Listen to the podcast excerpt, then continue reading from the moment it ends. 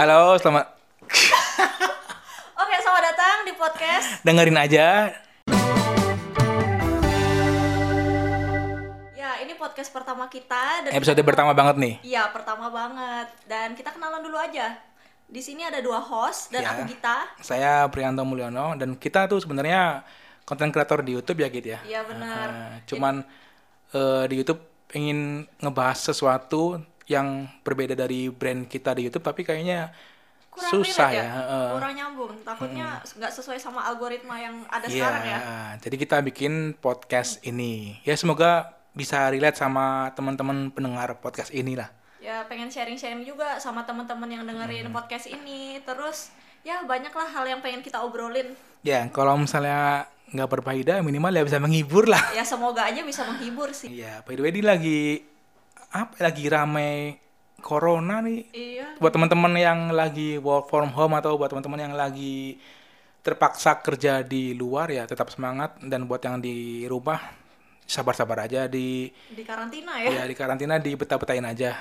Ya sebenarnya eh, aku sih betah-betah aja sih karena biasanya juga selalu di rumah. Selalu ya. di rumah ya, ya saya juga selalu di rumah sih. Tapi eh, ada nggak efek dari work from home ini buat kamu gitu?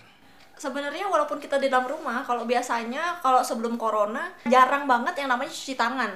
Ya. Sekarang Jadi rajin ya gara-gara corona ya. ada hikmahnya juga sih, rajin cuci tangan, sedia hand sanitizer, terus sama tisu basah. Tapi nggak ada sesuatu yang bikin kerjaan kamu terganggu atau apa gitu?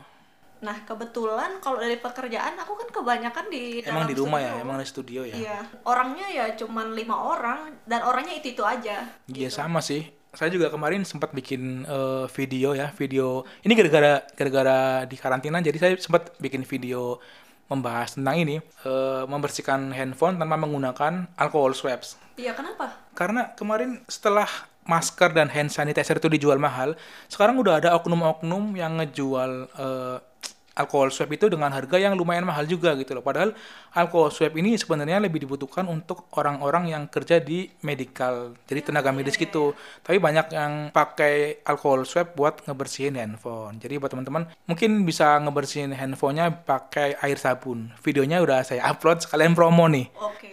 Dan sebenarnya sejak gara-gara kasus ini, biasanya beli masker harganya 25.000 Itu udah merek sensi loh. Nah ya itu sekarang itu sebox. Ini sebox udah Hah? banyak banget. Sebox apa plastik? Sebox yang besar. Itu Oh, iya? 49.000 atau 25.000 Hmm. Nah sekarang udah 250.000 Nggak aku pernah lihat 325 ribu kok. Nah itu pokoknya tiap toko pasti beda harganya gitu. Mak- Maksudnya gini, kenapa ya kok ada orang-orang yang tega ngejual masker dengan harga semahal itu padahal kita lagi bener-bener butuh gitu loh. Mereka malah menimbun dan menjual dengan harga lebih mahal gitu. Tapi ya udahlah, pokoknya teman-teman stay safe semuanya. Jangan lupa buat cuci tangan, rajin-rajin cuci tangan. Terus kalau makan, kalau bisa sih bawa tempat makan sendiri atau masak sendiri. Untungnya sih kerjaan nggak terlalu terganggu ya. Kalau ya ada sih beberapa kegiatan yang tercancel dan beberapa kerjaan yang dibatalin tapi ya udah mau gimana lagi ya.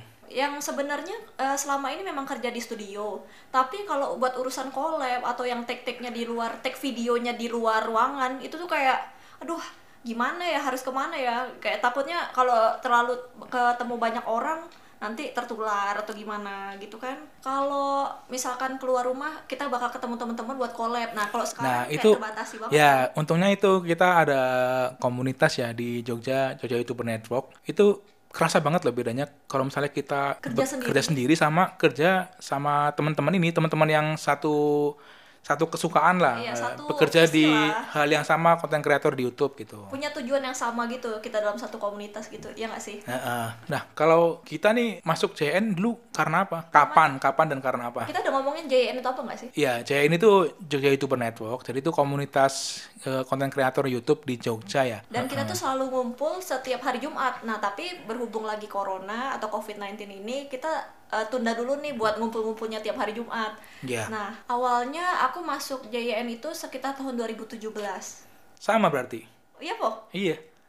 Iya ya? D- dulu tuh JN nggak tahu ya adminnya siapa ya entah Bram entah Randy tuh jadi kayak songong banget jadi waktu aku pertama kali mau nyari apa komunitas YouTube di Jogja kan ada nih JN bikin meet up kayaknya meet up besar deh di Rai gitu makanya dia dibatasin gitu kan jadi aku daftar terus diomongin "E, maaf mas ini udah penuh ya udah eh, bulan depannya ada lagi. Nah, aku daftar dan akhirnya bisa masuk di Ray juga itu. Oh, yang meet up bulanan di Ray. Meta bulanan itu bulan-bulan awal, awal-awal awal-awal 2017. Oh, kayaknya aku sempat datang juga sih, atau enggak ya? Atau kita memang belum kenal waktu itu? Kamu tuh setelah beberapa bulan setelahnya baru kamu ada. Oh iya, kayaknya aku akhir tahun apa? Mungkin. Mungkin mungkin aku ke akhir tahun. Tapi Enggak juga sih, enggak akhir tahun juga sih. Pertengahan kayaknya.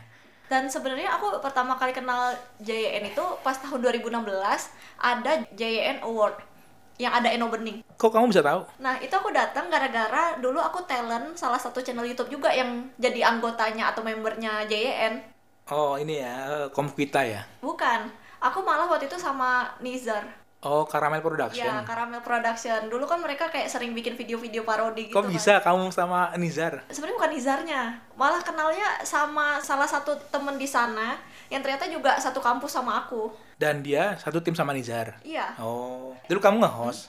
bukan nge-host dulu cuman kayak ikutan kayak parodi dan terus mereka tuh juga juga waktu itu sering produktif banget waktu itu bikin video photoshoot gitu-gitu beberapa kali jadi sering bareng sama mereka nah sampai saat itu ada JYN Award nih yuk ikut aja ya udah pertama kali aku tahu ada komunitas seperti ini keren Iya, juga ya Iya. Buat teman-teman yang belum tahu, JN Award itu semacam kita bikin penghargaan sendiri buat teman-teman kreator, penghargaan kreator terapa terapa gitu loh untuk mengapresiasi semua yang udah kita capai selama satu tahun terakhir ya. Iya. Nah, tapi itu aku belum masuk loh. dan Belum. kebetulan waktu itu Caramel join. Production dapat satu piala Kategori apa tuh? kategori apa ya aku lupa juga pokoknya video termenarik apa ya aku lupa saking udah lamanya ya Berarti kalau kamu bikin kenal YouTube maksudnya, kenal YouTube itu bukan sebagai konten kreator yang pribadi gitu ya, tapi Iya. sebagai host dulunya awalnya gitu. ya belum belum yang terlalu kepikiran harus bikin apa ya jadi dulu kebanyakan em, di YouTube tapi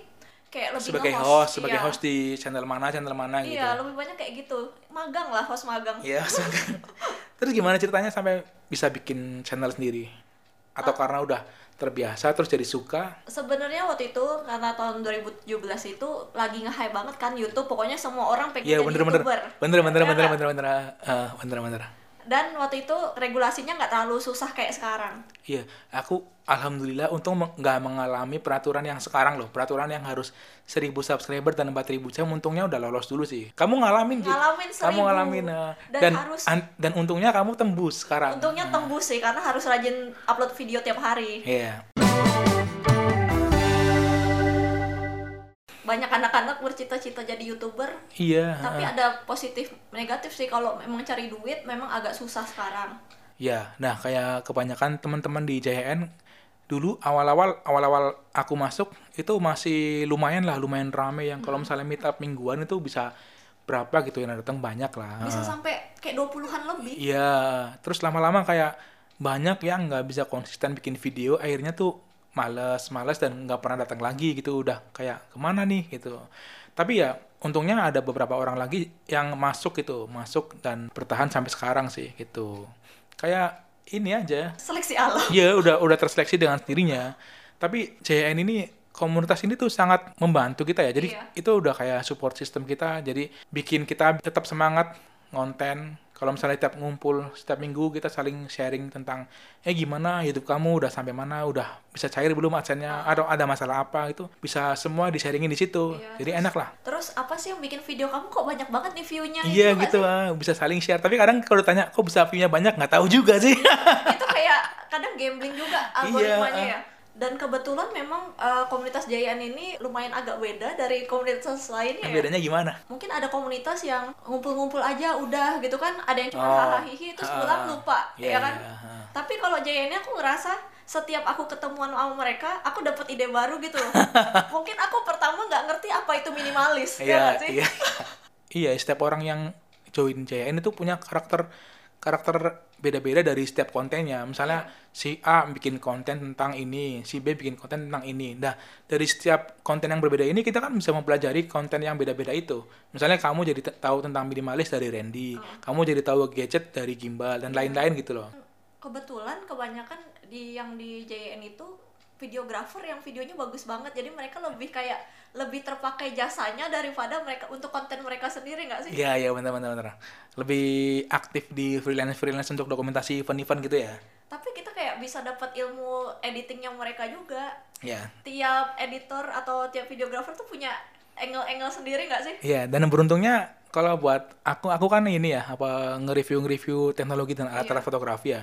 Dengan berteman sama mereka tuh mereka punya alat-alat baru yang bisa aku bikinin konten gitu. iya saling minjem gitu Iya. ya Tapi ngomong-ngomong soal support system dan pertemanan, kayaknya semakin ke sini bertambah usia tuh kayak pertemanan tuh semakin dikit. Jadi kayak temannya tuh itu itu aja. Sebenarnya eh, kalau aku sendiri eh, dari dulu memang temanku nggak terlalu banyak gitu Ya, loh gitu. Tipe orang yang ini gak sih, Kit? apa yang kayak mager kalau buat nongkrong-nongkrong atau gimana? seneng aja sih kalau nongkrong nongkrong cuman kadang aku tuh males yang eh, cuman duduk-duduk hahaha kayak Oh. eh, jadi kayak kayak, kayak ngapain sih? Semenjak dulu pun kayak gitu. Bosen jadi mending aku ngegame di rumah sama aja rasanya Berarti kamu kayak lebih ke introvert ya? aku nggak tahu aku introvert atau enggak sih Kalau dulu tuh aku extrovert.